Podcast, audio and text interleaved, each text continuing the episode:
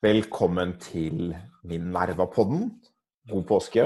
Mitt navn er Nils August Andresen. Jeg er ansvarlig redaktør i Minerva, og med meg har jeg Aksel Fridstrøm, vår nyhetsredaktør. Velkommen. Jo, takk. takk. Hyggelig å være tilbake. Ja, Har du hatt en god påskeferie? Nei, det har vært skrekkelig. Jeg har savnet å spille inn eh, Minerva-podden. Du, du har vel vært på hytta? Nei, jeg har ikke vært på hytta. I hvert fall ikke offisielt. Jeg, har bare vært hjemme i uh, Oslo. Og uh, sittet og sett ut av vinduet. Ja. Og, og, ergret meg over folk som er utendørs. Jeg har, jeg har også vært uh, hjemme her i Oslo. Vi gikk en liten tur i parken i år og la merke til at det, var, det, det er jo folk på kafeer og restauranter og lever et slags, slags vanlig liv. Det er lett å glemme når man sitter inne i koronatider. Men du Aksel, vi, vi fortsetter å snakke litt om korona vi er her i podkasten Pest eller kolera. Ja, det er jo det denne podkasten handler om, ja. ja. Pest eller kolera. Pest er altså da Sykdommen. Sykdommen korona og kolera det er effekten av, av tiltakene. Det er eh, viktige temaer som vi skal diskutere her fremover. Eh, vi skriver jo en del om dette her på nettsiden vår også, Aksel. Er det, er det noen muligheter for å kjøpe abonnement der? Kjenner du til det? Ja, det er mulig, men det er veldig vanskelig. Og kun for eh, spesielt interesserte og privilegerte. Ja. Men dersom du er både spesielt interessert og privilegert, så er det nå mulig å tegne med seg kronestilbud da, for én måned. med ja. Det, det, kan være en anbefaling. Ja, du kan kjøpe til kun den krone, som kun er spesielt interessert i privilegerte. Det var jo jeg som fant på, på det geniale slagordet da, 'en krone for korona'-nyheter. Eh, det var, så har det vært delte meninger i etterkant om, eh, om det liksom var Guds gave til, til, markedsføringen eller ikke, eh, det slagordet. Men det, enn så lenge er ikke det motbevist. og det, det, blir spennende å følge det fremover, om det faktisk var et genialt slagord eller ikke. Men du, nok om det, Aksel. Nå skal vi videre til dagens tema, og det er Sverige. Dette rare landet i øst. Ja, dette rare landet i øst. Har jo, vi har jo liksom i mange år snakket om Sverige. Det har vært en hashtag på, på Facebook, ikke minst i Facebook-Høyre. Det har betydd eh, innvandringsgalskap og ekspertvelde. Liberale eksperter som sier at eh, innvandring ikke er farlig. Nå, nå sier de jo at korona ikke er så farlig heller, disse ekspertene, men nå får de støtte av Facebook-Høyre. Og Det er litt, ja. det er litt interessant, det kan vi snakke litt mer om. Men, men eh, jeg tenkte det første tema her er svenskene, har de, gjort, eh, de, har de, gjort, noe veldig dumt, eller har de gjort noe veldig smart? Eller vet du ikke? Det, jeg tror at man ikke vet. Det er uh, Utgangspunktet er i hvert fall at det er jo fremdeles ganske tidlig i denne uh, epidemien, så det er jo veldig vanskelig å egentlig evaluere hvem som har gjort rett og hvem som har gjort galt. Altså, det man holder på med, er jo et, et form for maraton, så det er jo veldig vanskelig å si noe etter, etter kort tid. Men uh, jeg, jeg ville nok ikke valgt den strategien som svenskene har gjort uansett, fordi at det er så stor usikkerhet i hva som egentlig er virusets egenskaper, og hvordan denne epidemien brer om seg. Så jeg er nok mer tilhenger av det man har gjort, som har gjort i Norge, og, om, om, å kjøpe seg tid da, for å liksom uh, kunne planlegge bedre. Det være sagt, så kan det jo godt være at det svenskene likevel har rett, da. Ikke sant? Altså De estimatene og antagelsene de har gjort, basert om dette viruset, basert på veldig begrenset kunnskap, mm. har vist seg å treffe ganske bra. Det kan jo være. ikke sant? Så de kan jo både ha Uh, Jeg ville ikke gjort den avgjørelsen, men likevel, liksom. De har tatt høy risiko, og kanskje, kanskje de blir belønnet for det. sant? Ja, det er, hvis du skal holde maratonmetaforen, jeg er glad i å holde metaforer, liksom prøve å pushe dem litt videre. De, altså, svenskene har på en måte tjuvstarta litt. De har, de, har, de har, gått veldig hardt ut fra start og, og kommet langt foran i løypa. Har ganske mange døde, mange smittede.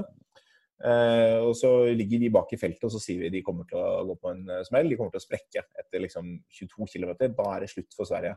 Da jogger vi rolig, rolig forbi.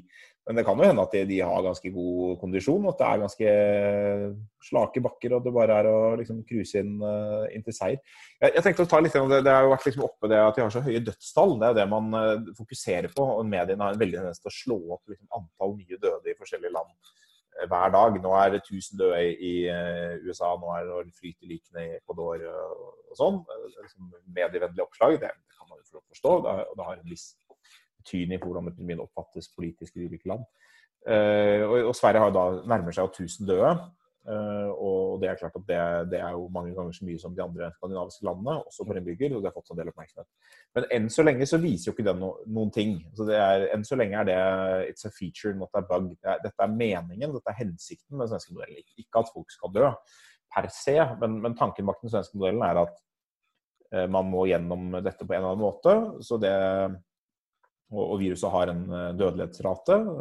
og Så en del mennesker kommer til å dø. Eh, og målet er bare at det ikke skal dø flere enn eh, nødvendig, for å si det sånn. Dvs. Si at ikke folk skal dø fordi de ikke får helsehjelp og ikke, får god behandling. Og så lenge eh, man kan tilby god behandling til alle som blir syke, og andre mennesker som er syke av andre grunner, så har på en måte systemet lykkes. Og, og det, Jeg har begynt å regne litt på dette her, og, og det blir spennende å se. Men, men, så langt så ser det for meg ut som også Sverige har jo også redusert spredningstakten på viruset Eh, veldig betydelig. Eh, ser ut som de kan, kanskje og det må tas med en klype salt, men de kanskje ligger på et reproduksjonstall på rundt 1,3. Og Det er et interessant tall, fordi det er det tallet som Folkehelseinstituttet eh, har beskrevet i sitt scenario som er kalt brems, og som danner utgangspunkt for strategien som er kalt brems, og som er uh, på en måte den strategien Folkehelseinstituttet har, har, har, ønsket seg, og som du og jeg også ønsker oss egentlig, Aksel, på litt sikt.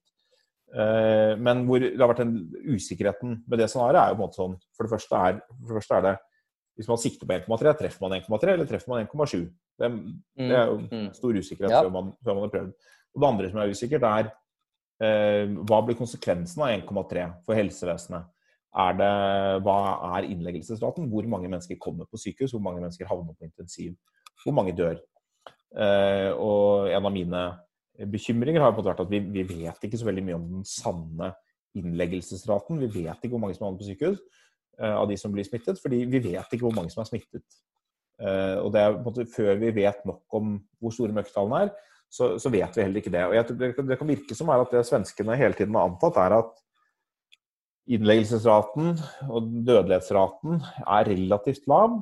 Uh, det, det betyr jo da så at mørketallene er relativt store. store. Ehm, og hvis det er riktig, da går dette noenlunde bra. I den forstand at helsevesenet ikke kollapser, som er, som er målet. Uh, og det, det, ser man bl.a. på at uh, forrige uke så tror jeg Tegnell ute og sa at de regnet med at det verste var over i løpet av tre uker fra da. vil Si altså mm. Si to uker til da, med, med stigning og en, en topp, og så, og så, ned igjen. Uh, og for at det skal være riktig, hvis, du har et spredningstall på 1,3 for at det skal være riktig, så betyr det at du må begynne å nærme deg ganske høy andel smittede. Så, så stor andel at eh, det allerede begynner å bli noe eh, virkning i immuniteten ute i samfunnet, og at eh, det blir færre, etter hvert færre nye smittede på daglig basis, og at tallene begynner å krype nedover igjen.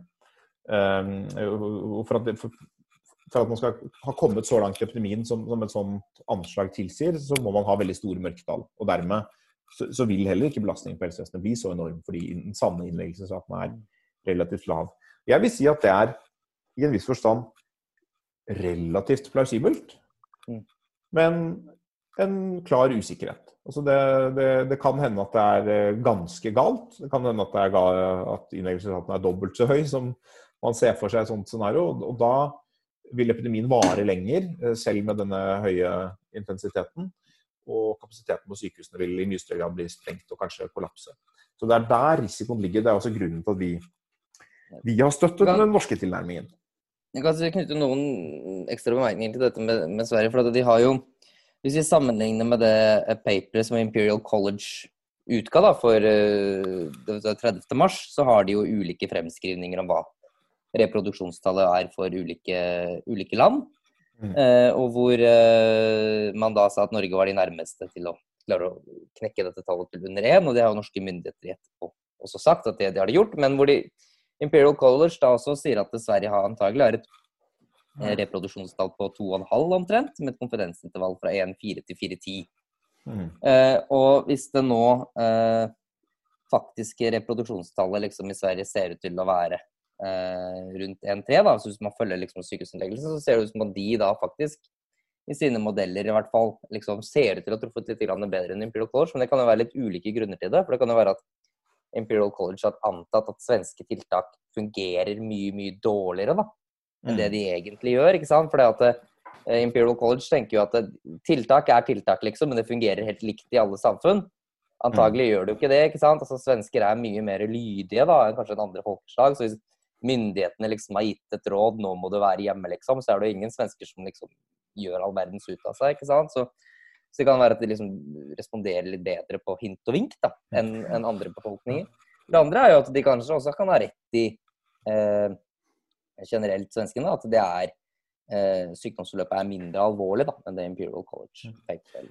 Altså, jeg, jeg, er ikke helt sikker på akkurat hva, hvordan de har gjort dette, dette, den estimeringen i Imperial College, men mitt inntrykk er at det de har gjort er at de har sett på alle landene samlet for å lage estimater over virkningen av tiltak, mm. og så da estimert reproduksjonstallet eh, ut fra det. Så det vil si, de, har, de, har, de har aggregert alle dødsfallene fra alle landene, og så har de sett på virkningen av tiltak. Og så har de gått tilbake til hvert enkelt land og estimert da hva er da reproduksjonstallet i det enkelte landet. Det vil si at reproduksjonstallet i det enkelte landet er ikke direkte modellert på, på, det landets data, men på de samlede europeiske dataene. Og Det betyr jo at måte, hvis virkningen av tiltak er ulike i ulike land, så blir det, blir det gærent. Eh, det, det, jeg tror de beskrev det også, at det, det, var en risiko for at det var Det sier de også i Sverige. Ja, og jeg, jeg, tror nok at det er feil, eh, men jeg ser også i Sverige at det er, enn så lenge da, så har dødstallene steget noe raskere enn sykehusinnleggelsen. og Det kan være ulike grunner til det. Det kan være at jeg i min modell har Laggen til dødstallene er gal. Kanskje det er litt annerledes enn i Norge. Det er ikke så godt å, si. Um, det kan være andre grunner uh, også, med, med, registreringen. At det kanskje ikke er, det er ikke all registrering i de kildene som vi har, som har riktig dato. Det kan være en del sånne ting. Så at det er 1,3, det må vi ta med en stor klype salt. Men at det er at eh, økningen i Sverige har gått veldig betydelig ned siden midten av mars, det, det er hevet over tvil. Så det blir spennende å se akkurat hvor stor den er. og det, det, blir noe som blir veldig spennende for oss å følge de neste dagene. og du kan si at vi, de, de, neste dagene og ukene kommer vi til å få informasjon som gjør det mulig for Norge å velge en, en best mulig strategi, eller ha et så godt beslutningsgrunnlag som vi kan få. Det ene som vi vil se, er omtrent hvilket reproduksjonstall har Sverige fått til med sine eh, virkemidler med sine tiltak. Og Hvis man når 1,3 med, med, med, de tiltakene, eksempel, så, så vet vi jo det. At det da er Norge litt annerledes enn Sverige, men at det er en farbar vei for 1,3. Mm. Den type tiltak. Det andre vi kommer til å få vite mye mer om eh, fremover, det, det, skyldes ikke bare Sverige, men det skyldes at man begynner å få antistoffundersøkelser i befolkningen. Det er fortsatt litt usikkerhet heftet ved dem. og det er vanskelig, Jo, jo færre som er smittet i en befolkning, jo vanskeligere er det å få gode, gode estimater. Men, men, snart så vil vi kunne vite omtrent hvor mange som er smittet eh, ved å gjøre representative undersøkelser. Vi, vi, vi, får vite mye mer om hva som er de reelle mørketallene. Og Med en gang vi vet det, så kan vi på en måte se da, om det er sånn at de svenske litt optimistiske anslagene viste seg å, å være riktige. Og det, det, betyr jo på en måte at ok, kanskje vi da kan gå for kan sikte mot 1,3, sånn som Folkehelseinstituttet liksom opprinnelig ønsket seg. Det kan være at det da er et trygt valg som vi kan ta. Eh, eller vi får vite at det ikke er sånn, og så må vi tenke annerledes. Men, men det, det, kommer vi til å få vite mye mer om. Og Det tenkte jeg kan være en bro inn til neste tema, Aksel. For det, det er jo liksom et, et, av våre mål. Det finnes, hvordan kan vi få en god brems? Altså Brems er en, en, strategi, men det er en strategi som i seg selv liksom mangler litt detaljer fordi det er så mye som er ukjent. Så noe av det vi prøver på, er å finne hvordan, hvordan får vi en god brems. Eh, og I Norge så er det det vi jobber litt med nå. Vi, hadde, vi, tror vi havnet helt ned på 0,7, kanskje. Altså, med usikkerhet, selvfølgelig, men refleksjonstall på 0,7. Blir færre og færre nye smittede hver dag. Og Da kommer vi jo ikke gjennom epidemien på en eh, på den... Da blir vi aldri, kommer aldri gjennom epidemien? Nei, da, da må vi vente på en vaksine. Så kan det hende, det kommer før vi eh, frykter, men, men det, det, er krevende strategi. Men uh, vi har da åpnet litt opp, og vi har sagt at vi skal åpne barneskoler og, eller i hvert fall noen trinn, og barnehager bl.a. Og etter hvert en del tjenester som frisører og den type ting. Men her i Oslo, hvor du og jeg bor, Aksel, så har vi jo Røde Raymond. Han har vært ute i avisen i dag og sagt at uh, det er ikke sikkert det er så lett. Hva, hva tenker du om det? Uh, nei, jeg syns det kanskje er litt Det er litt rart, da. Altså, de kan si at de forholder seg jo til at de delene av landet som er mest rammet, og det er jo åpenbart altså det er jo det er i Oslo-området, der kan det liksom være litt mer tiltak enn en, en i andre deler av landet. Men eh, Raima, bare for å si det, eh, Nå har man jo liksom eh, Ja, skyt inn. Ja. Raima har da sagt at han kanskje ikke man, Det er ikke sikkert man vil åpne barnehager og, og de tidligste trinnene på barneskolen ennå. Så det skaper litt usikkerhet for mange foreldre, sånn, sånn, sånn som meg, som har barn i barnehagen. Så er jo det en krevende å planlegge når, man, når det er usikkerhet rundt det. Ja. Nei, så det kan Altså, de, det de begrunner det med, da, er jo at det er liksom mer eh, Epidemien har liksom kommet lengre eh, i Oslo enn i andre deler av landet, da, så derfor bør de liksom holde på tiltak eh, lenger. Og det det kan jo være hensiktsmessig liksom, hvis målet er å utsette epidemien lengst mulig. Men hvis man liksom ser på landet som helhet, da, så er det egentlig ganske fornuftig ikke sant? at uh, epidemien flytter seg gjennom landet fra kommune til kommune. Ikke sant? Så hvis du er i en situasjon der hvor du er i stand til å liksom si at nå har vi bekjempet det er nesten ingen koronasmittede i over halvparten av kommunene i Norge, liksom, mm. uh, så er jo det egentlig ganske fint. Da kan det være et helt egnet tidspunkt da, for at man liksom kommer til 30-40% smittede i Oslo. Det er i hvert fall ingen grunn til at alle kommuner skal gjøre alt de kan til enhver tid for å holde igjen eh, epidemien. I hvert fall ikke hvis du styrer mot et sånt uh, bremsscenario. Nei, Så er det kanskje litt av problemet her da, at det er, det er, litt uklart egentlig for alle hva som egentlig er den, den litt overordnede strategien her. Altså, det, er, det, har vært, det er i hvert fall litt uh, uklart for meg, fordi at uh, eh, Folkehelseinstituttet de har jo liksom sine begreper. Ikke sant? De har dette brems og undertrykk. Og så har liksom regjeringen har laget sitt eget begrep, som er slå ned. Og så er det litt uh, forvirring, da. ikke sant? Hva er, det det, hva er det det begrepet egentlig betyr? Betyr det brems? Betyr det undertrykk? Betyr det uh, vent, jeg tenker meg om?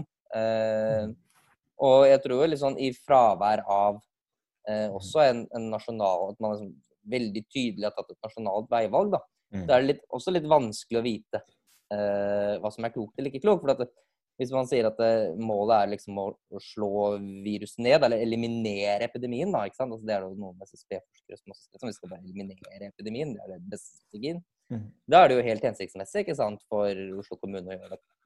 Men hvis man har en sånn bremsstrategi som Folkeinstituttet uh, anbefaler, så virker det helt uhensiktsmessig. Ja, og vi, vi, du og jeg, Aksel, vi har jo på en måte gitt slå ned vår egen eh, tolkning, som vi, vi tenker at kunne være en fornuftig tolkning. og som for så vidt også er men jeg er helt i tråd med det regjeringen har gjort, og delvis også det den har sagt, men ikke kommunisert så tydelig. Og det er at slå ned betyr gi den et, ordentlig dunk som går litt ned på nesen. På nesen og så får vi, litt, uh, får vi litt tid til å se hva som skjer, finne ut hvilke tiltak som fungerer finne ut hvordan vi skal organisere dette her. Få litt mer kunnskap om viruset, få kunnskap om eh, innleggelsesrater, kunne planlegge helsetjenesten, mm. bygge litt kapasitet. Uh, og finne ut hvor mye tiltak vi egentlig trenger for å holde dette på et håndterbart nivå. Og så når vi har den kunnskapen, så er vi over på da et modifisert bremsscenario. Tilpasset brems, optimalt bremsscenario. Uh, men dessverre er det jo da så langt, Aksel, bare du og jeg som er kjent med at dette er dette som er strategien. Og det er jo ja, uhensiktsmessig. Det er jo en kommunikasjonsutfordring for regjeringen, ja. kanskje. i hvert fall. Det kan jo være en bevisst strategi fra regjeringen, at det er bare du og jeg som skal, skal skjønne, skjønne kodespråket de snakker. Men uh, jeg, jeg, tror, jeg, jeg, tror, at det skaper litt problemer. Da. Du ser jo du Tror du ikke alle hører på Minerva-podden? Nei, dessverre. Uh, ja. Men kanskje nest, fra med neste episode. Når vi kommer i fase tre, så vil alle høre på. det må vi håpe. Men, Eh, som du skriver i eh, en artikkel som vi nå publiserte ved påske, sant, om den siste risikoutredningen til Folkeinstituttet, så bruker de en del du kan i hvert fall lese som de bruker en del tid på å argumentere imot regjeringen da, i disse mm. sine. Mm. Og um, jeg er nok enig med det at det liksom er ikke så klokt av Folkehelseinstituttet, men uh, jeg tror jo også at det, er, det kan jo også være at de er, er litt frustrerte der, fordi det er litt vanskelig for dem å få tak i hva regjeringen ja. egentlig mener. ikke sant? De introduserer et sett begreper og scenarioer, og så plutselig begynner regjeringen å prate om et eller annet scenario som ingen har hørt om før, og ingen vet hva det betyr. Det er, ikke, det, er ikke, så lett å forholde seg til. Nei, så Folkehelseinstituttet hadde jo på en måte tatt inn dette slå ned, som eh, eh, regjeringen må anta at de hadde bevisst brukt for ikke å bruke eh, undertrykk. Og så har de sagt at slå ned er liksom lik undertrykk. Eh, men det kan jo tyde på at heller ikke Folkehelseinstituttet har hørt på, på Minerva-podden pest eller kolera. Det er jo uklokt, men eh, sånn er det. Eh, men jeg ville litt videre til det med Oslo, Aksel. fordi hvis man kommuniserer tydelig at man nå går for en form for brems, at nå har vi fått tilstrekkelig kontroll, vi begynner å få kunnskap om hva, hva, hvordan brems bør se ut. Vi har ikke all den kunnskapen ennå, men vi begynner å få den kunnskapen nå disse ukene. Eh, så ville man jo nettopp kunne tenke seg, som du sier, at eh, det er ikke noen grunn til at Oslo skal ha veldig dramatiske tiltak eh, per se. Og en årsak til det er jo at selv om, selv om, det er sånn på nasjonalt plan, så kan det hende at man vil ha de aller sterkeste tiltakene helt på toppen av epidemien. Nettopp fordi nettopp for å unngå at det blir en sånn topp som er helt uhåndterlig, så setter du i verk tiltak da, et par uker før toppen av epidemien for å gjøre den flat, for så vidt litt mer langvarig topp, men pass på at ikke du får en sånn kjempetopp hvor, hvor helsevesenet kollapser.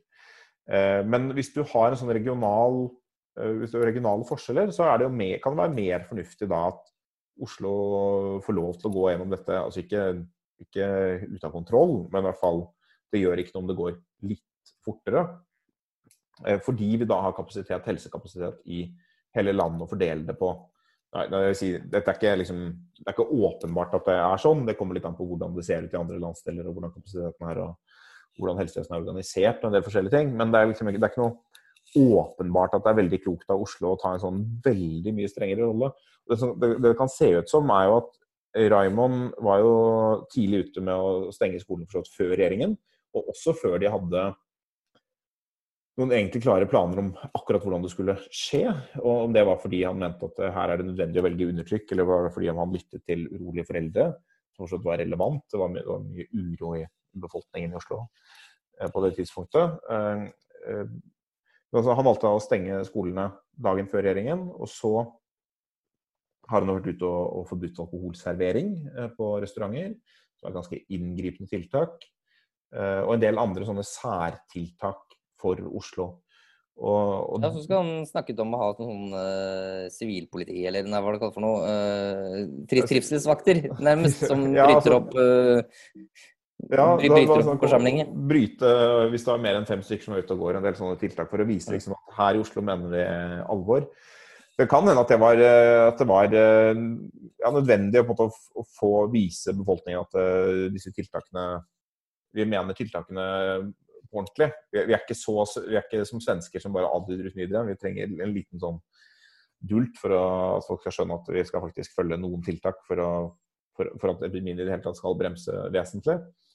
Eh, men at det er det kloke nå, det er ikke åpenbart. Og, og det er sånn interessant er, Norge er jo et land hvor vi er, vi er vant til å tenke på selv som en et relativt enhetlig land. Vi har like velferdsregler over hele landet. Vi har uh, Veldig mange regler er uh, er enten statlige, eller de, de, forvaltes av kommunene, men med minimumssatser som gjør at alt er likt, mer eller mm. mindre uansett. Eller i hvert fall det er, det er ikke veldig store forskjeller. Det er ikke en føderalstat med liksom, helt uavhengige og helt ulike regionale forvaltninger.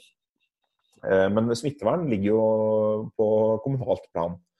Eh, og det er jo interessant fordi uh, smittevernloven er så vid at den kan brukes til utrolig mye. Bare en sånn ting som at man kan forby alkoholservering Eh, som er jo vi har jo hatt folkeavstemninger i, i Norge om, om, alkoholforbud. Uh, og det, og ja. det, liksom en, det, har vært en stor, en stor, sak ikke sant, nasjonalt. Og så viser det seg at uh, Rødreimond kan bare ta og forby det uh, med smittevernsbegrunnelser uten at det ligger en sånn nasjonal plan bak.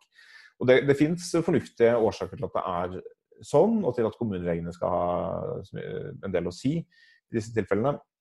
og at lokalpolitikere skal ha en del å si. Men, mm. Men det er ikke åpenbart for meg at uh, det er veldig fornuftig at Oslo nå får en sånn sondergang uh, med ulike uh, eller Det kan godt hende det er fornuftig at Oslo av og til har litt ulike tiltak, eller at andre kommuner har ulike tiltak, men at det, det bør nå komme en nasjonal koordinering som gjør at mm. vi spiller på, på lag. og det er klart, litt som du sa, det forutsetter jo litt at vi skjønner mm. hvilken strategi vi spiller etter. Mm. Ellers er det vanskelig å spille altså, lag. Du kan jo si at Det er jo veldig fornuftig at uh, de ulike kommunene har ulike tiltak, men det som er, kanskje er dumt, hvis, hvis alle har strategiske målsetninger som slår hverandre i hjel. Det er jo det man må forsøke å, å forhindre. ikke sant? Du kan si at I, i Raymond Johansen sitt forsvar da, så er jo ikke, han er jo ikke den eneste liksom, kommunepolitikeren som liksom sier at nei, det skal ikke komme noe koronaepidemi til denne kommunen. liksom. Altså, det er jo, I hver, i hver eneste kommune ja. så er det liksom ikke så lang tid før det liksom var kommuneoverlegen i Røros som skulle ha innreise- og utreiseforbud fra Røros, liksom. Det var jo allerede mm. tidlig, tidlig i mars. Så mm. Det er ikke noe unik tanke fra Reimann Johansen sin, sin side. Men eh, hvis man ønsker seg en sånn nasjonal bremsstrategi, mm. så må det bety at enkelte steder så må man faktisk tillate at smitten skal spre seg. Da kan Mm. ikke reproduksjonstallet være under én i alle landets kommuner. Eh, og da blir jo da spørsmålet, ikke sant. Altså enten så må jo da regjeringen liksom eh, gå til kommunene og si å, vær så snill, kan ikke dere sørge for at dere blir liksom forsøkskommunen der hvor 50 blir smittet først? Kan ikke sette i gang? Eller så, og da tror jeg svaret på det fra den kommunen kommer til å være nei, antagelig. Eh, eller så må jo liksom regjeringen på en helt annen måte da legge eh, ganske tunge føringer på hvordan man mener at det skal, skal skje. Eh, Det- Hvis ikke så blir det liksom eh, ja, selv etter den svært vellykkede kommunesammenslåingsreformen til regjeringen, så er det ganske mange kommuner og småkonger der ute. Og da tror jeg det kan bli ganske mye kokker og ganske mye søl, med mindre man liksom får en klar plan for hva man ønsker å oppnå. Ikke minst så er den kommunesammenslåingen eh, vellykket i den forstand at eh, flere mennesker allikevel kunne reise på hytta. Jeg tror flere nå setter pris på, på det. Men uh, du har selvfølgelig helt rett i det, Hvis man har en så stor hytte at den ligger i mer enn én kommune, hva gjør man da? Ja, det er ikke det. Men du har selvfølgelig helt rett i det, Aksel. At det er ikke, det er ikke unikt for, eh, for Raymond Hansen at man har uh, satt i verk lokale tiltak. Men det peker jo nettopp på dette behovet for en nasjonal strategi, og en, nasjonal strategiavklaring. Og At man finner ut hvilke virkemidler man trenger da, for å lykkes med en sånn eh, å ha en ordentlig sånn strategi. Det, det blir noe vi kan følge litt fremover. Det blir, blir, blir liksom tema for oss tror jeg, denne uken her og neste. Hvordan kommer vi nå til en vellykket bremsstrategi? Ja. Uh, vi får se litt hva vi kan lære av Sverige. Vi får se litt hva vi kan uh, finne ut av uh, antistoffprøver. Og, hva, og så får vi se når vi kan ta en øl igjen i Oslo. For det blir jo et trivelig vårtegn når den dagen Det blir et trivelig vårtegn. Vi kan jo nevne også at i denne, nå er jo ikke de, nå som det har vært påske, så er det ikke sikkert alle disse svenske tallene heller er oppdaterte. da. Så det kan også være at våre innsikter er jo, begrenser seg jo nå på det vi foreløpig vet om Sverige. Nå får vi jo se nå også de nærmeste dagene da, om det liksom er et etterslep i rapporteringen. Det vil også kunne endre bildet. Men det er jo når man får vite det virkelig, at vi virkelig vil se opp. Ja, jeg regner med at vel altså Sverige rapporterer litt lite i helgene uh, generelt. I hvert fall de tallene jeg følger. Så vi får regne med at det kanskje kommer et lite hopp i dag. Det er for i tråd med, i tråd med mine beregninger. Men uh, det blir spennende å følge. Dette kan dere lese mer om på minervanett.no. Eller dere kan spre podkasten til venner og kjente og ukjente. Takk Ja. for at du kom her, Aksel. Vi snakkes. Takk, det samme.